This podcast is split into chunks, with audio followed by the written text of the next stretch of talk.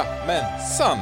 Skövde kommuns hållbarhetspodcast säsong 2 tillbaka efter ett eh, litet uppehåll. Vi har Ludvig här, vi har Sari här och idag ska vi inleda säsong 2 med att prata om det svåruttalade ordet Earth, Earth, Earth Hour. Men först och främst, Ludvig Sari, välkomna tillbaks och välkomna hit. Hur mår ni?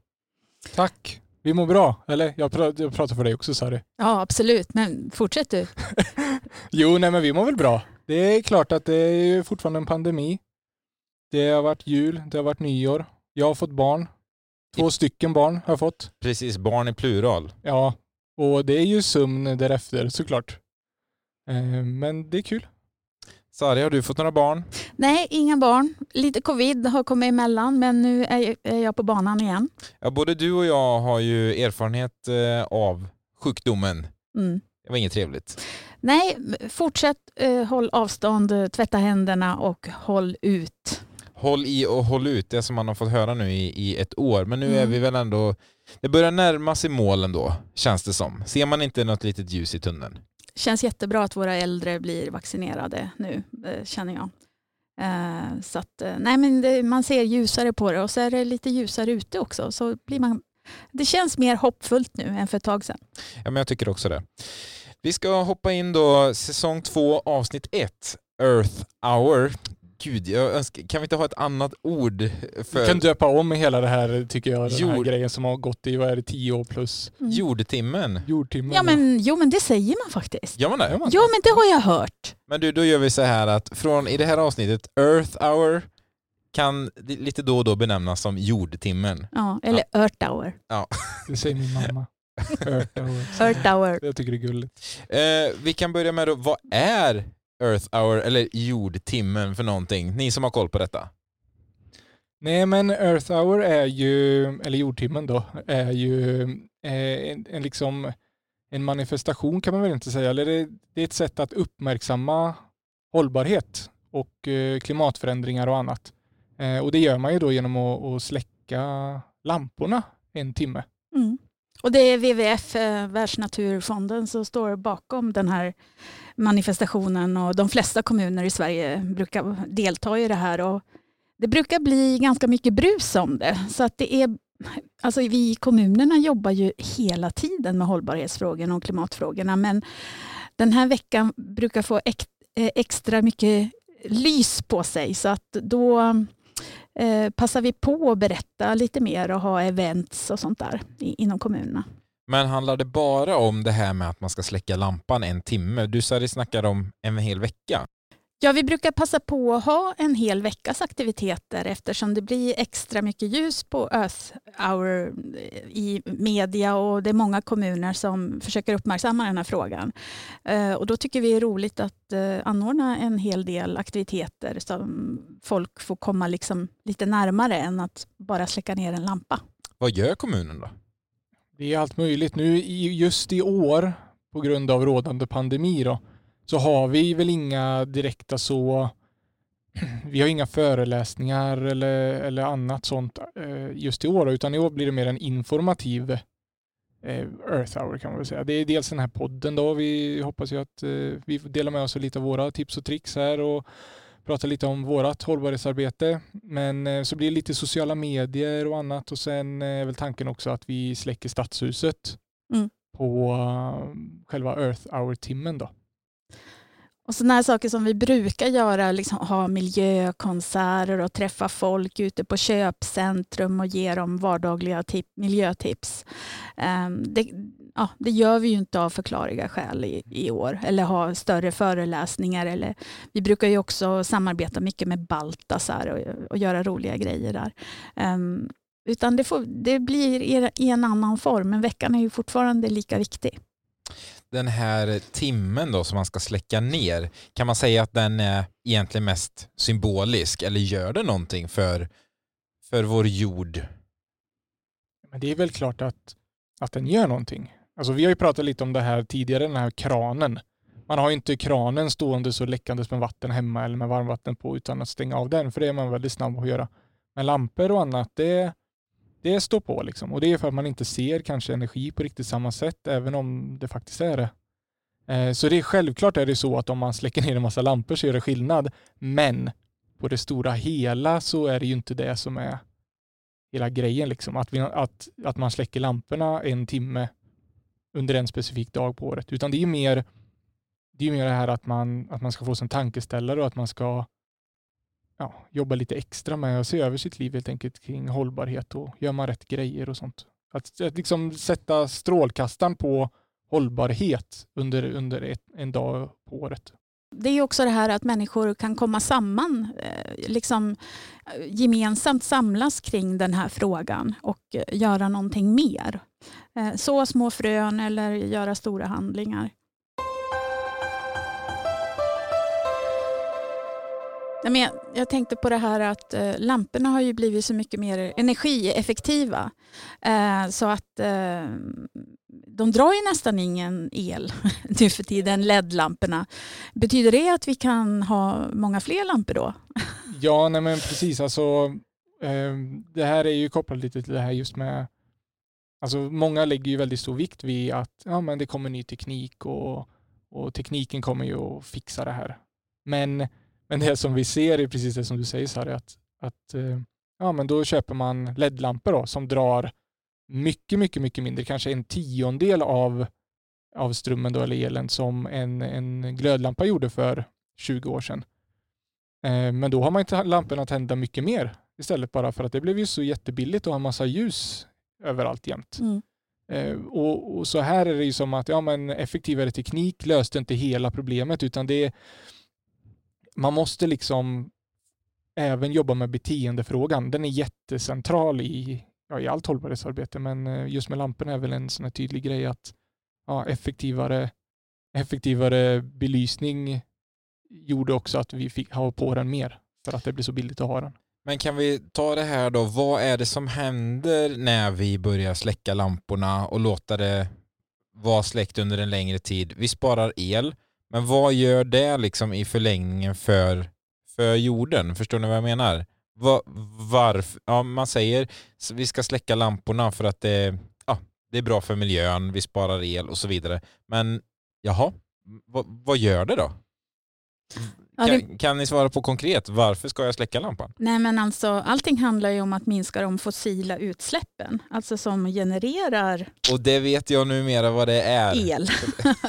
ja, som har producerat. Men nu kommer det ju en massa förnyelsebara källor. Så, ehm, men samtidigt så vet vi att eh, samhället blir bara mer och mer tekniskt och vi behöver bara mer och mer el till allting. Vi, kanske kommer att få ett mer robotsamhälle i framtiden och ja, vi kommer troligtvis att behöva mer el och då behöver vi ju se till att det kommer från förnyelsebara källor och inte från fossila delen som olja och kol och så vidare.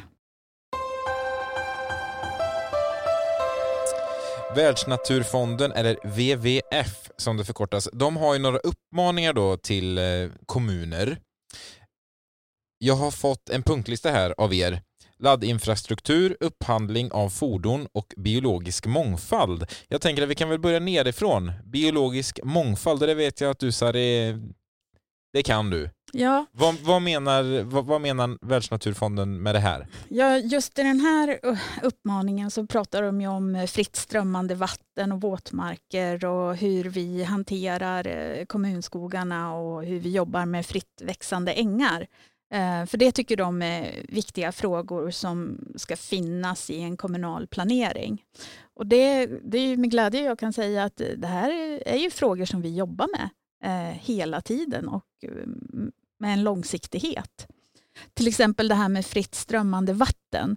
Det, det är lite kul för Skövde är ju inte så vatten vi har inte så mycket ytvatten. Det tror jag de flesta är bekanta med, men vi- men vi ligger mellan Sveriges två största sjöar. Eh, Men däremot så det vattnet vi har, till exempel de eh, vattendragen som ligger på Billingens västra sida, är otroligt värdefulla ur naturvårdssynpunkt och de är viktiga för sjövandrande öring som lever sitt vuxna liv i Vänern men som faktiskt vandrar upp på Billingesluttningen och eh, eh, leker och lägger sina ägg. Och, Och då där, menar du att de vandrar hela vägen från Vänern. hela upp till oss? Ja, Gud, ny information. Det var ju häftigt. Ja, det är skithäftigt. Men vadå, kan man, kan, långt. kan man fiska öring här omkring? Ja, alltså, jag var lite rädd att få den här frågan om fisket. För det, Jo men det kommer som på... Jag och, Ma- jag och brev på- Mattias nu behöver spetsa öronen direkt. Ja. och så här, fram Nej. med frisk fiskespett. Nej, jag, jag, är, jag tycker det är kul att fiska men inte på den nivån. Men när du säger det så att öring vandrar här i trakterna, då ligger ju den frågan ganska nära till hands.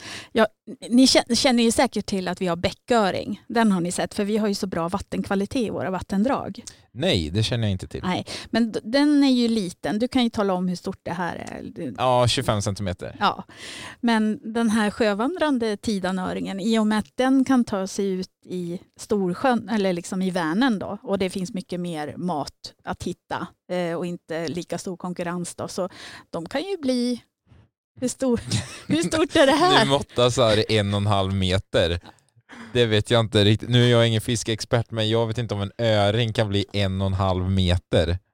Det låter vi vara osagt. Ja, vi låter det vara osagt. Ja. Men Stor i alla fall. Men- Vet du vad? Om det finns någon som är expert på, på fisk, mejla in till, till podcast.skode.se och rätta oss här. Berätta för oss hur stor Hur- en öring kan bli. Ja, exakt. Och vi tar gärna emot också vilken kanske den, den största fisken i Sverige är. Ja. Som lite intressant kuriosa, för att sätta det lite i perspektiv. ja, Jag tror inte att en öring kan bli en och en halv meter, men som sagt, är det här en och en halv? nej men du visar större först. Så. Ja, det, Ja, ja. men så då. Ja, ja, men strunt i det. Eh, men oavsett om ni har andra frågor, åsikter, tankar, synpunkter, mejla in på podcast.skode.se. Men fortsätt, mer om eh, vandrande öringar. Jo, nej, men eh, den hade en hel del naturliga platser att leka på på Billingsluttningen. Men vi, för, det är ganska många år sedan nu, men så vi förbättrar ju lekplatserna genom att hälla ut eh, naturgrus då, i lagom storlek. Där de tycker om att leka och, och lägga sin rom. Och så la vi ut också stora lekblock. Eh, eller stenblock menar jag, inte lekblock. Utan Jag sten... det finns, eh, finns det någon som heter så? Le, leka, ja, det är nej, på lekland. lekakulor tänker jag på. Ja, Ja. Nej, men stora stenblock och det är bara för att man ska öka strömningshastigheten i, i vattnet. För ju högre strömning, strömningshastighet det är i vattnet desto mer syre blandas det in i vattnet och då trivs öringen och äggen och larverna mycket bättre. Jaha, och det här sker alltså på bildningssluttningen? Det här sker på västra sidan Stålkvarnebäcken, um, en jättefin bäck att gå och titta på. När, när, när de leker på hösten. Häftigt. Ja, det hade jag ingen aning om. Jag visste inte heller. Jag vet, jag, jag vet um, ut mot Vättern så finns det väl, men då är vi ju i, i Jo kommun kanske. Där finns det väl också att de vandrar upp i någon uh, bäck där också. Ja, det är väl till och med Joån Ja, va? det är kanske det. Och där brukar de ha såna här safaris. Så långt har inte vi kommit än då, men eh, vi, vi har i alla fall gjort förbättringar så att förutsättningarna för att leka och reproducera sig är mycket bättre för de här jättebjässarna Mattias. Ja, typiskt som fiskehistoria, den bara växer och växer och växer. Ja. Eh, det var lite om biologisk mångfald. Eh, de andra två punkterna, upphandling av fordon och laddinfrastruktur. Och om vi tar laddinfrastruktur, det vet jag att du Ludvig, där, eh, där briljerar du. Ja, nej men briljerar och briljerar, jag vet inte. Det fanns säkert mycket mer på biologisk mångfald vi gör också, men det kan vi ju komma tillbaka till sen kanske. Men eh, eh, om vi ska prata lite laddinfra så är det också en sån här grej som WWF trycker eh, lite extra på att de jag menar, har en uppmaning till oss som kommun att vi ska jobba med. Och eh, Nu är det väl inte så att Skövde kanske har flest laddplatser i Sverige. Eh, Men vi har, eh, vi har faktiskt en, en, en plan som är tagen av kommunfullmäktige, en plan för laddinfrastruktur då, eh, där vi ja, har gjort ett gediget arbete och vi har väl egentligen satt eh, grunden för hur vi ska jobba med laddinfrastruktur och jag tror att det är jätteviktigt ehm, att man vet det för eh, så att man inte bara går ut och springer ut och installerar en massa laddstationer överallt. För det eh, det finns ju en risk att man gör det, utan att det ska vara liksom rätt laddare på rätt plats. Och, och så som vi tänker är att, att, ehm, att det finns många olika egentligen kan man väl säga ar- eh, användningsområden för en, en, en laddare. Att, att ladda en elbil är inte som att åka till bensinpumpen och, och tanka sin vanliga bil. Det kan vara det om man har en snabbladdare. Men vanligtvis så laddar man i princip sin bil hemma. Men man kan också ladda den på jobbet. då. Eh, och därför har vi valt att, att eh, tänka så här att ja, men här har vi, säg, säg att du bor i ett flerbostadshus och du kanske inte ens har en egen parkering, men du vill ändå skaffa dig en laddbar bil. Hur laddar man den bilen? Det är jättesvårt. Och då, ehm, då tänkte vi så här att, att ja, men, var har vi flest flerbostadshus? Ja, men det är kanske i den centrala delen av, av stan då, eller av kommunen i tätorten. Um, och så var har vi var har vi våra allmänna parkeringsplatser som vi som kommun administrerar? Uh, och de ligger ju ganska bra strategiskt placerade runt om i, i innerstan. Och så vi börjar där och så bygger vi ut laddare där. Inte många på en plats utan eh, lite färre fast på många platser. Vilket gör att, att på vardagar kan, eh, kan de som arbetar eller besöker Skövde då, eh, på dagtid använda de här laddarna till sina bilar. Och på helgen då är det ju flest turister då, eller eh, andra som besöker Skövde. Då kan de använda dem då. Och på kväll och nattid så är det boende i områdena som kan använda de här laddarna.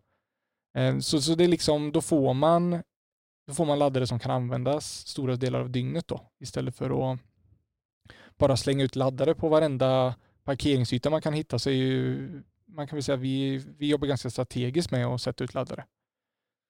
Sen kan man väl också säga i det stora hela att eh, anledningen varför det här är så himla viktigt är för att det bidrar till omställningen av fordon.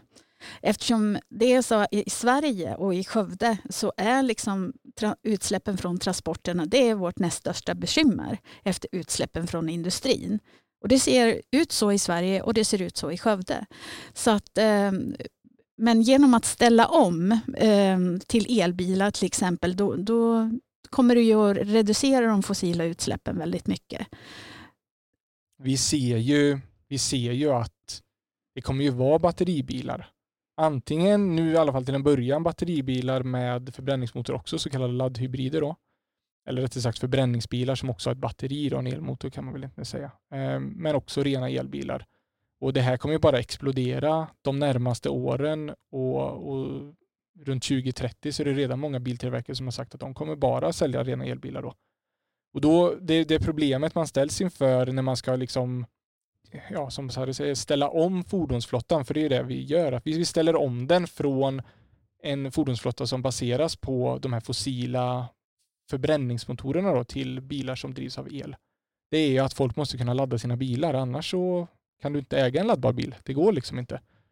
Och, och det är där den här strategiska laddinfrastrukturen kommer in, då, att man måste, man måste vara smart när man sätter ut laddare om man säger så. Och jag tror, eh, jag håller helt med. Jag tror att det är, ja, kanske inte 100% men till jättestor del den grejen som gör att folk inte köper elbil i större utsträckning än vad de redan gör idag. Faktum är att jag hade den här diskussionen med några kompisar för bara några timmar sedan. Just, det, det var någon som, som länkade, det var ett bilmärke som hade tecknat ett, eh, ett avtal med en batteritillverkare som var värt väldigt mycket pengar. Eh, och så sa vi det att ja, men blir nästa bil, man köper en elbil kanske. Och då sa jag det att nej, jag tror inte att det blir det för att jag har, jag har liksom inte de möjligheterna att ladda. Bor man i villa och har egen garageuppfart, ja men fine. Men jag som bor i radhus liksom, med en gemensam parkering som dessutom hör till en samfällighet. Det måste ju samfälligheten då liksom, för den är ju inte kommunägd så det är, det är upp till samfälligheten om det ska sättas dit laddstolpar, gissar jag. Och det blir ju en sån grej som, jag menar, jag kan ju inte köpa en elbil förrän det är gjort. Nej, precis. Du måste kunna ladda din bil hemma. För ja. annars så funkar det inte riktigt. Jag har elbil ju, det har jag väl sagt varenda avsnitt hittills, tänker jag. Nej. Vill du ha en liten applåd? ja, gärna. Nej, men och jag har egen laddare såklart då. Um, och det är ju det som gör att det är så himla lättsamt att äga elbil, för jag vet att den är alltid laddad. Eh, men det är klart att hade jag inte kunnat ha en egen, egen laddare så hade det blivit mycket krångligare. Och vi som kommun kan ju inte hjälpa en samfällighet eller en bostadsrättsförening rent ekonomiskt. Eller så. Det är inte vår uppgift att hålla på och installera laddare till den typen. Men där som eh, har vi ju den här energirådgivningen då så man kan ju höra av sig till kommunen och få lite hjälp då, om man är en samfällighet eller bostadsrättsförening, lite hur man ska gå tillväga då. Man kan väl Eh, söka bidrag, kan man inte det? Jo. Via Klimatklivet? Exakt, så, och det är typ en sån grej man kan få lite hjälp med, lite vägledning liksom, hur ska vi gå tillväga? Men du sa ju det, eh, nu blir det så att vi fastnar lite här ändå, men det är för att det är så konkret och det är en sån jätteomställning som ju ja, världen egentligen behöver göra, så det är Mm. ju intressant. Men Sari, du har hybridbil. Ja, just det. Ja, hur tycker du det funkar för dig? Nej, men jag tycker det funkar alldeles utmärkt att köra på biogas. Eh, och sen så kan man ju också köra på bensin, men det är bara för att den behöver starta på eh, bensin. Så det finns en liten bensintank också. Men vi, jag kör mestadels eh, på gas, alltså 99 Ja, du, har inte, du har inte batteri? Nej, jag har inte batteri. Nej, inte Nej, ännu. okej.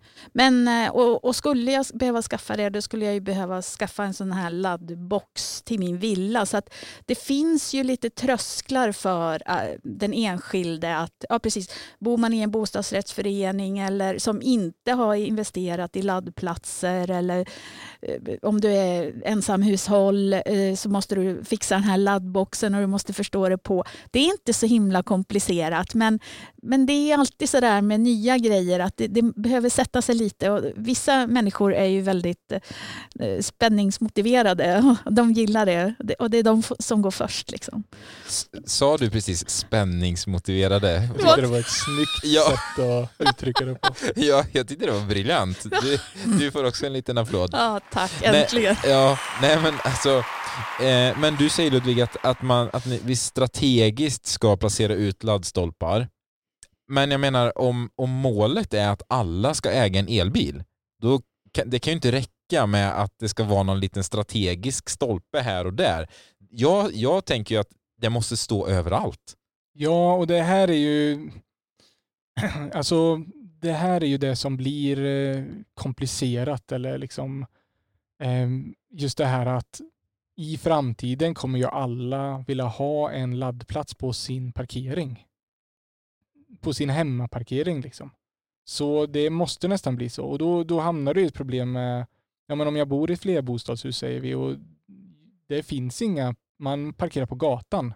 Hur hanterar vi en sån fråga liksom när folk vill ladda sina bilar när de står på gatan?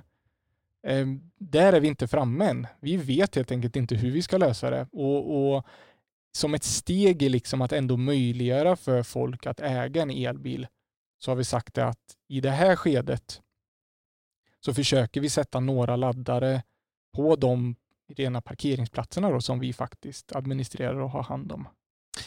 Är de parkeringsplatser, nu går jag lite off topic, men är de parkeringsplatserna då fria att stå på hur länge som, som helst och när som helst? Där, där de här el eller laddstationerna finns? Ja, precis. Alltså, du betalar ju för elen som du laddar. Ja, men jag Eh, tänker det är liksom så datumparkering och ja, du får stå här mellan 10 och 18 eller Nej, utan du ska ju få stå där hela dygnet då, men, eh, men det kan ju vara så att den är avgiftsbelagd dagtid till exempel och det, handlar, det är ju för att få snurr på det. Att man inte, inte någon ska få parkera sin bil och så står den där i tre dygn. Utan det måste bli lite snurr på det. Eh, men, eh, men tanken är ju att man ska kunna eh, åka till en, en kommunal laddplats och så ha sin bil över natten till exempel. Och du betalar för elen och så tar du den på morgonen sen igen innan avgiften börjar då, eller avgiften. Och då, då kan du liksom, ja men som jag, alltså nu, jag kör jättemycket med min bil i stan och den en, eh, en dag på vintern när jag värmer kupén flera gånger och sådär så kanske den max drar 10% på ett dygn. Och det betyder egentligen att jag behöver faktiskt bara stå på en sån här laddplats en gång i veckan. mm. Eh, och så försöker vi, eller jag har som mål i alla fall när jag tittar på var vi ska installera laddplatser att ja, men det ska vara ungefär fem minuters promenad. Alltså du, du ska täcka liksom i stan då med fem minuters promenad. För att fem minuter tycker vi väl ändå att man ska kunna promenera. Men då pratar du Skövde centrum? Vi pratar ju eller? Skövde centrum Ja. nu för, för eh, så fort du börjar, ja men så fort du börjar, eh, ja radhus, eh, men även radhus och bostadsrättsföreningar och, och sådär, alltså så fort husen börjar ha egna parkeringsplatser, då är det de som får lösa det helt Mm. enkelt. Vi, vi tittar på innerstan för att det finns så mycket folk som inte ens har en egen p-plats där. Mm. Eh, och, och det är svårt och, och vi, Det är väl här de flesta hyreshusen Exakt. finns. Precis. Eh, Men, men jag vet ju också att Skövdebostäder, vårt kommunala Mm. bostadsbolag, de planerar ju in nu laddplatser på sina, inom sina områden. Eh, och det är ju det är klart att det är en droppe i havet än så länge, men, men det är ju en början och det är det där hönan eller ägget, vilket ska först liksom.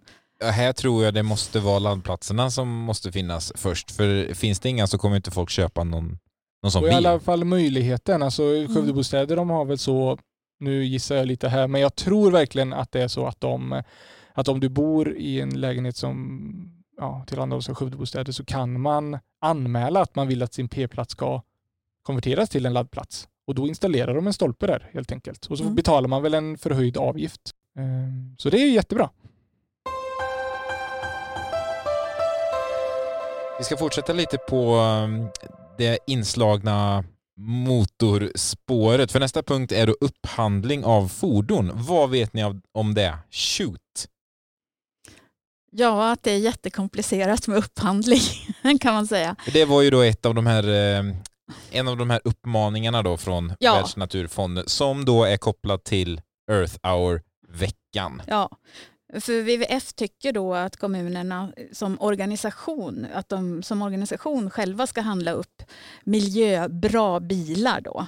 Och det har vi eh, kämpat med under lång tid. Man kan säga att eh, det har hänt väldigt mycket under tioårsperioden vad det gäller ehm, direktiven från statsmakterna. Så det är inte så himla lätt. Det var ju många som för ett par år sedan trodde att men jag har köpt en jättebra miljöbil när jag har köpt en diesel. Och som nu eh, svär ve och fasa att det var inte det.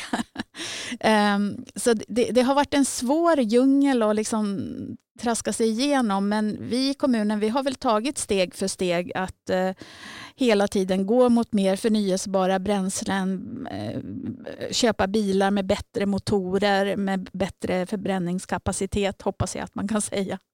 Eller Ja, men de, ja precis, mindre Lä- utsläpp. lägre utsläpp.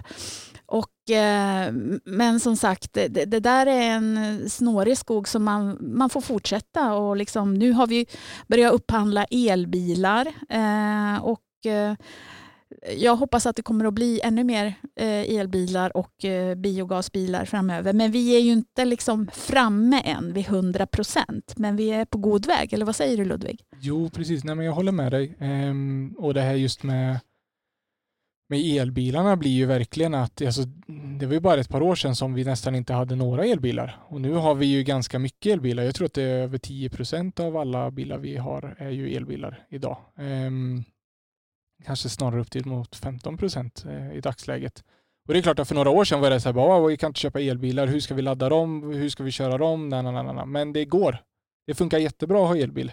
Ehm, och med biogasbilar har vi väl sett, de ligger ganska stabilt, eh, har gjort i många år, eh, våra biogasbilar då. Ehm, och sen gjorde vi ju en, en ganska häftig grej att vi hade ju mycket, och har fortfarande mycket dieselbilar.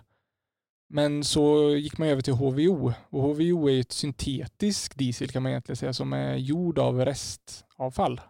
Ja, skogs... eh, Det är väl... Organiskt Ja, avfall kan man säga. Det kan vara olika typer av organiskt avfall. Ja, och då får man ut, det är ju diesel, men den är ju inte Fossil. På, ja, den är inte gjord på gamla dinosaurier, den är inte fossil så att den, eh, eh, den bidrar ju inte då till eh, koldioxiden i atmosfären. Då. Den tillför inget extra utan den är en del av det naturliga kretsloppet. Då.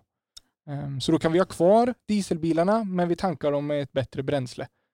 Ehm. Sen får, sen får man ju inte glömma i allt det här när vi pratar om liksom effektiviseringar. Och jag kopplar tillbaka till lamporna som vi startade med att prata. att eh, De här teknikförändringarna som kommer, alltså jag tycker de är hårresande. Jag hade inte kunnat för, liksom, se det här för fem år sedan, att elbilar skulle vara så eh, hett som det är idag.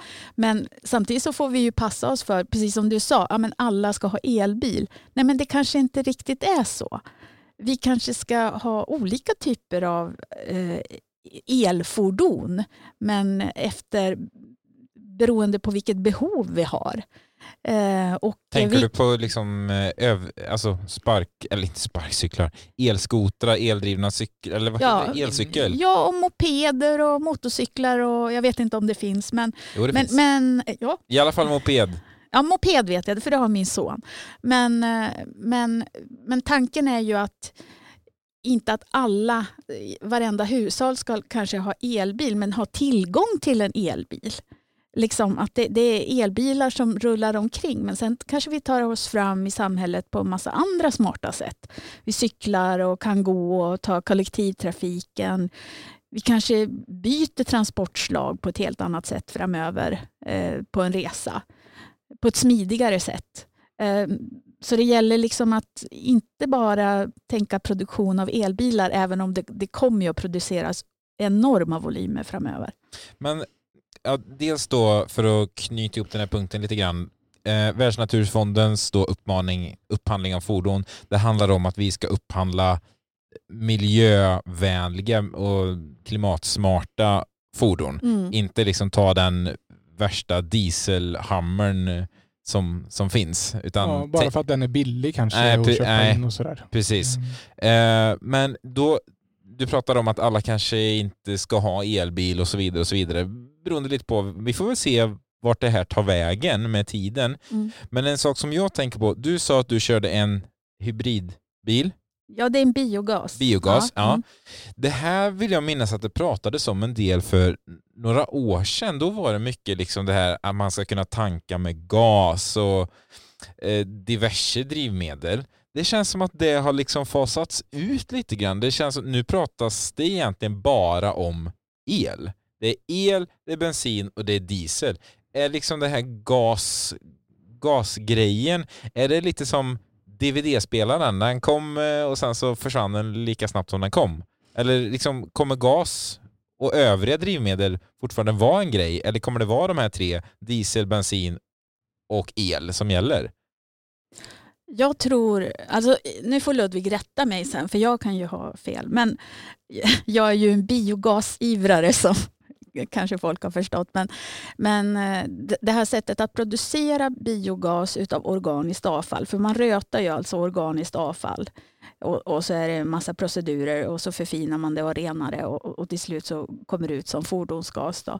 Ehm, man kan för personbilar så kanske det inte kommer att bli större. Jag vet inte. Men däremot så ser man ju på den tunga fordonssidan att, att det är Ja, det finns både företag inom åkeribranschen som satsar på det och även eh, gasproducerande företag så att säga. Så att eh, det- kan bli den här utvecklingen som vi har startat tack vare personbilsdrivkraften eh, kan övergå till, till andra saker. Eller vad, Ja, nej men alltså det är mycket, det man pratar om nu är mycket flytande biogas, alltså att man, att man gör den flytande. Ehm, och det har ju sina fördelar, ehm, främst transportmässigt och sånt skulle jag säga. Ehm, men, men, eh, men då kan du ju liksom köra långtradare på den och du kan köra båtar på den och man kan ha den i industri och annat. Då. Så, så den, ja, när jag gör min omvärldsbevakning så ser jag mycket att man pratar om flytande biogas nu då. Och sen, men sen tror jag nog att det här med ehm, varför blev kanske inte biogasbilar större än vad det blev? Alltså det har ju funnits... ligger det någonting i det som jag... Ja men absolut, jag skulle Ja. nog vilja, alltså nu pratar jag ju bara från mina egna, jag har inte sett någon studie på det här eller något utan jag pratar bara från mina egna erfarenheter men min kvalificerade gissning är att varför blev det inte större? Jo men ehm, det har nog med att göra att, att en biogasbil är ju egentligen en, det är ju egentligen en bensinbil. Det är fortfarande en förbränningsmotor och så här. Det är bara att du tankar den med gas istället och det finns inte lika mycket gasstationer. Det kan vara en del i att folk inte ville byta. Ehm, och sen att det är billigare än att köra diesel och bensin väl. ja, det är det. Ja. det. Det är billigare. Precis. Men, men det har- borde ju få ja. fler folk att köpa sådana såna, i Ja, så fall. precis. Jo, fast jag, jag tror just det här att tanka biogas, det, det är det som är främmande för folk. Och ha gas i tanken, det låter läskigt. Du, Även om liksom eh, diesel Ja, och bensin är ju... Gaser, det, det har man inte i tanken, det har man i magen. Ja, precis. Jo, nej, men det, nej men absolut, jag tror nej, att det nej, har nej, men det jag tror att ha, har med det att göra. Och sen eh, infrastrukturen är ju inte enkel heller. Ehm, så man får ju vara lite av en entusiast om man kanske köper en biogasbil men det är absolut in, inte svårt att, ha- att ha det i Sverige idag.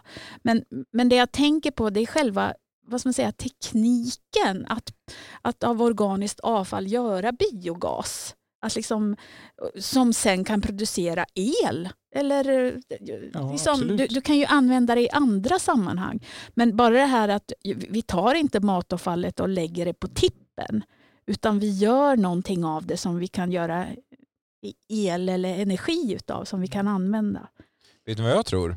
Jag tror att, att det handlar om att det inte är riktigt lika hippt och inte riktigt lika kul och coolt att ha du får ursäkta här Sari, men det är Mm. så jag tror. Mm. Och här tror jag att det finns ett visst stort amerikanskt företag som faktiskt spelar en väldigt stor roll i detta. För de har gjort att det är coolt att ha elbil. Mm.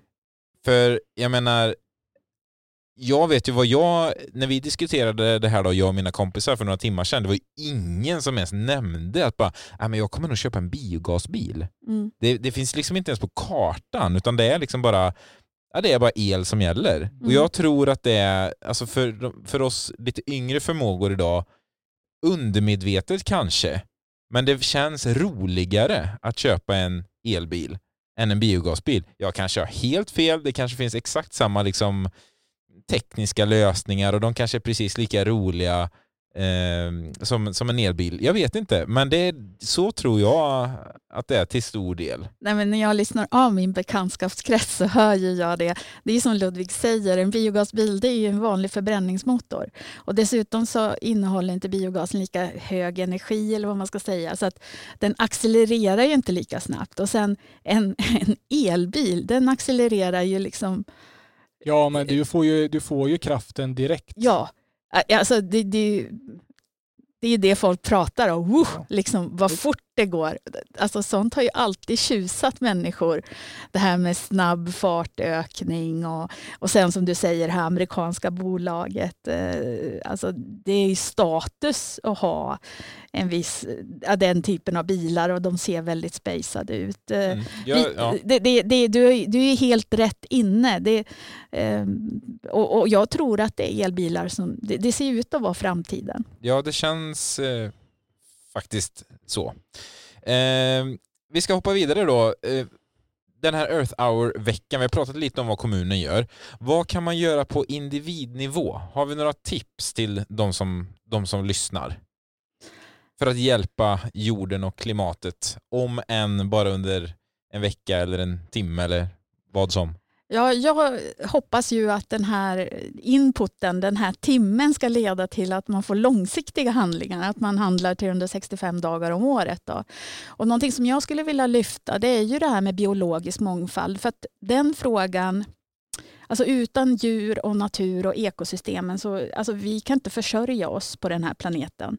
Eh, så att det är en lika viktig fråga som klimatet, men det kan, man kanske inte pratar så mycket om det. Och någonting som man kan göra som enskild individ det är att eh, alltså de egna trädgårdarna, villaträdgårdarna till exempel, de är otroligt viktiga för till exempel pollinerande insekter. Det där får du förklara. Ja, men alltså du vet, eh, man brukar ju säga så här att var tredje tugga vi tar, eh, det, det är liksom föda som är tack vare eh, bin och fjärilar och andra som har pollinerat de här växterna och skapat de här frukterna. Eh, och var tredje tugga är ju ganska mycket. Eh, så att ehm, det handlar om att göra sin eh, trädgård attraktiv för olika typer av insekter som bin och fjärilar till exempel. Genom eh, att plantera träd och buskar som blommar tidigt på våren eller som blommar ja, som är attraktiva för de här olika arterna. Och inte bara liksom göra den enkel och lättskött med mycket sten och gräsmatta utan se till att det finns en artrikedom där. Vill du veta hur min trädgård ser ut? Ja. 100% trall. Ja, men då kan ju du ha några urnor Jaha. Du kan ha en sån här krukträdgård. ja, du vet du kan ha en kruka med en syrenbudleja och få fantastiskt mycket eh, fina fjärilar som kommer och besöker den här budlejan. Och så kan din dotter, hon kommer ju att bli helt eh, vild. För de, den lockar till sig fjärilar som tusan. Eh, ja, alltså skämt åsido, jag hör vad du säger, men kan du förklara lite mer, alltså hur, hur bidrar liksom fjärilar till ett bättre klimat? Om, om, jag, om jag planterar buskar där fjärilar trivs, jag menar inte att liksom raljera och, och, och låta sån, Nej. men det, det känns så himla, återigen, det här konkreta. ja. Jag kör en bil, den släpper inte ut någonting. Äh, men jättebra, jag ser att jag har gjort något. Du tänker så här, det finns ju massvis med blommor i skogen, kan de inte vara där istället? Ja, men, ja i förlängningen kanske jag Ja. tänker så. För jag tänker lite så här. Ja men okej, om, jag får tre, om jag har tre fjärilar som fly, flyger omkring i min trädgård. Vad, gör, vad spelar det för roll? Och förklara det gärna för mig. Jo men det spelar ju jättestor roll därför att alla tror ju Får jag att... bara säga, Ja. jag, jag förstår ju Ja. att bara de tre inte spelar så stor roll. Ja. Men eh, om man slår ut det på det, om alla skulle tänka som jag då. Och i, alltså skulle du plantera en syrenbudleja då handlar det ju inte om att du får tre fjärilar utan du kommer ju få hundratals. Ja, det låter ju i och för sig inte jättelockande att ha hundratals Ja, fjärilar. fast du, kom, du kommer ju inte att se det. Ja, det, Jo, men det, va- det, jo- det är klart. Jo, men alltså ta det här med, vill du äta äpplen? Ja, det är gott. Ja. Men det är helt, det- de äppelträden blir ju pollinerade av bin till exempel. Så att, vad, vad, vad betyder det att äppelträd blir pollinerade ja, av de, bin? De, bina hjälper till att befrukta eh, trädet, alltså äppelträdets blomma så att det blir en frukt. Annars kan det inte bli en frukt. Okej. Så utan bin, ingen frukt, inga äpplen. Så liksom genom att man inte har en rik biologisk mångfald så alltså vi får ju ganska mycket gratis av naturen. Eh, Det, det, ja, jag har sett till och med, rätta mig nu Sari, men eh, alltså var det inte på något ställe de går och penslar I Kina, träden typ? I Kina så har man använt, jag vet inte riktigt, men det, det finns ju väldigt mycket olika typer av bekämpningsmedel som har slagit ut bin och humlor. Eh, Så att det, det, ja, det är brist på dem. Det, de dör liksom i mängder och då pratar jag om liksom miljontals som ligger döda på marken. Och eh, i Kina då, då går man faktiskt och har man människor som går och penslar, precis som bina, så befruktar de äppelträdens blommor. Då. Eh, och det är väldigt tidsödande och inte, man, är inte Ja, alls lika, man är inte alls lika effektiv som, som ett bi. Nej, det, nej, det kan jag inte. Bina vill inte ha kollektivavtal. Det gör inte de så mycket om de inte har det. Nej, men jag tror det är precis som du, många tar för givet att jo, men det finns ju plats för dem någon annanstans. Men eh, genom just att du Mattias planterar en syrenbudleja på din trä, al, tra, vad heter det, altan, Trall. trall, så eh, bidrar du lite och så kanske grannen inspireras och så Ja, det är väl lite så, många bäckar små. jajamensan. Det är väl att det är sån trend nu att man ska ha massa hårdgjorda ytor i hela, antingen ska det allt vara trall eller sten eller bara gräsmatta. Liksom att det är, även i de här villakvarteren och i stan och sånt så är det viktigt att man har en, ja, en varierande ja, natur, eller hur ska man säga? Men det var tips ett då. Liksom, lägg inte bara sten och trall i trädgården utan plantera någon liten fin buske eller syrenbidleja, eller vad heter den? Syrenbudleja. Syrenbudleja. Så spring till närmaste liksom växthandel och köp en syrenbudleja. Har vi fler tips? Eh, ja, nej men alltså rent energimässigt så är det ju, det är ju de här gamla vanliga liksom eh, kör inte torktumlaren för mycket och koka vatten i vattenkokare. Det finns ju massvis med sådana här småtips man kan göra för att minska sin energianvändning. Men, men jag skulle vilja pusha lite för eh, att se över hur eh, tätningen ser ut. För eh, kring liksom fönster och dörrar främst, men det kan också vara så här eh, lucka upp till vinden och annat, så, mm, så kan det vara så att det är otätt, och man har gamla trasiga lister. Eh, och just den här genomströmningen av luft som sker i husen eh, eh, kan göra att det försvinner ganska mycket energi då, eller värmen liksom försvinner ut ur huset då. Ehm, så mitt tips är nog att man, eh, man ser över sina dörrar och fönster, man känner med handen. Nu är det ju, börjar det bli vår här, men man kan ju ta en, eh, en, en kväll, en kallare vårkväll. Känn, känn liksom med handen runt dörrar och fönster om det, om det drar kallt. Och försök att, att täta det med en tätningslist. kan man köpa på en, finns det inte alls många kronor man behöver lägga på det. Dra bort den gamla och sätt dit den nya så får man lite tätare och lite varmare och skönare hemma. Bra tips där med. Så syrenbudleja och tätningslister. Ja, tätning är ju inte det, är inte det sexigaste vi håller på med per år känns det som. Men det är inte så jätteroligt kanske. Men det... Det gör sitt ändå. Ja, men jag tycker att det borde man göra. Jag tror att det är en sån här grej som du ja, man struntar i det, man orkar inte hålla på med sånt. Men eh, det kan vara värt att se över. Och då kommer, nu har ni gett varsitt tips, då kommer jag med ett tips då. Mm. Eh, och jag har ju, sen vi spelade in avsnittet, jag minns inte vilket det var, men vi pratade om det här med att släcka lamporna. Jag har ju, alltså jag har ju blivit en riktig släcka lampan-fascist. En riktig lampsläckare. Ja, alltså jag, och jag, det är det sista jag säger till min sambo nästan varje dag, bara, men kunde du åtminstone inte släckt en lampa innan du gick och la dig. Det är alltid jag som får gå omkring och släcka alla lampor. Jag släcker alla lampor innan jag åker hemifrån. Om jag ska vara på övervåningen så släcker jag liksom allt där nere. Och sådär. Så släck några lampor. Du behöver inte släcka alla, men släck eh, någon extra bara. Det är mitt eh, Allt mitt behöver tips. inte stå på nedervåningen på full fräs när man är på övervåningen på kvällen till exempel. Och så där, utan det är bra tips. Gå Tä- runt och släck lite. Tätningslister, släcka lampor och syrenbudlejor Mm. eller liknande. Alltså det kommer att hamna en hemma hos dig Mattias. Ja, det är inte omöjligt. Jag har en svärmor som är utbildad florist och har väldigt gröna fingrar så jag, det räcker nog med ett litet sms till henne så står det nog en där i nästa vecka ska du se. Ja, jag tänker också på sånt här, nu vill du nästan avsluta där. Men jag skjuter in en här innan Mattias drar på avslutningsknappen och det är ju kosten. Eh, det har vi pratat mycket om men, eh, i tidigare avsnitt också, men det är väl det här att man, ja men eh, ekologiskt, lite mer grönt på tallriken mår man bra av, både klimatet och en själv mår ju bra av lite frukt och grönt. testa en väggdag i veckan kanske? Ja, Mm. nej men något sånt där. Alltså det finns eh, Jag och Ludvig sporrar varandra till att käka våra luncher eh, vegetariska Mm. helt och hållet. Då blir det liksom... Det är ju det, är ju alltså det här, så tänker jag mycket att man kan inte liksom gå från inget till allt på en dag. Jag känner att jag under det senaste året har jag har steppat upp liksom. Att jag försöker, vi, vi, vi äter mycket veget, mer vegetariskt hemma nu och sådär och det funkar jättebra. Supergod mat. finns jättemycket roliga recept och, och, så, och sådär.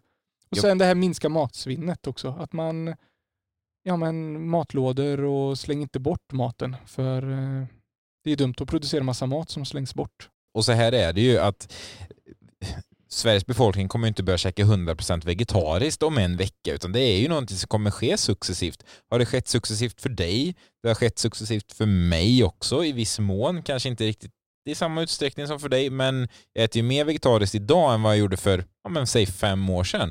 Och jag menar, när resten av Sverige också gör den här resan, jag menar så småningom så kommer vi komma dit. Jag vet kanske, det kanske inte går tillräckligt fort, I don't know, men det är ju en annan femma, det känner jag. Det, Det kanske, kan vi ta en annan det dag. kan vi ta en annan dag. Hörni, vi ska runda av här, vi börjar bli lite långrandiga. Eh, som sagt, har ni frågor, funderingar, tankar, synpunkter eller bara vill berätta vilken bil ni kör, skicka ett mail till podcast.skode.se eh, och berätta någonting, upplys oss om din vardag. Fram tills nästa gång vi hörs, Sari, Ludvig, tack så mycket för idag. Ta hand om er och håll i och håll ut. Hej då!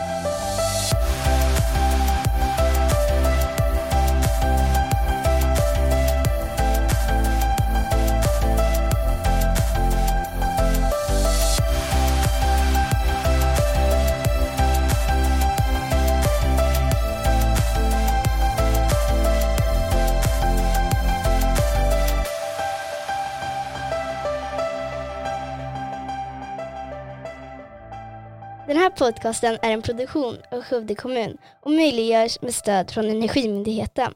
Mer information om Skövdes kommuns hållbarhetsarbete hittar du på www.skovde.se under fliken natur och miljö.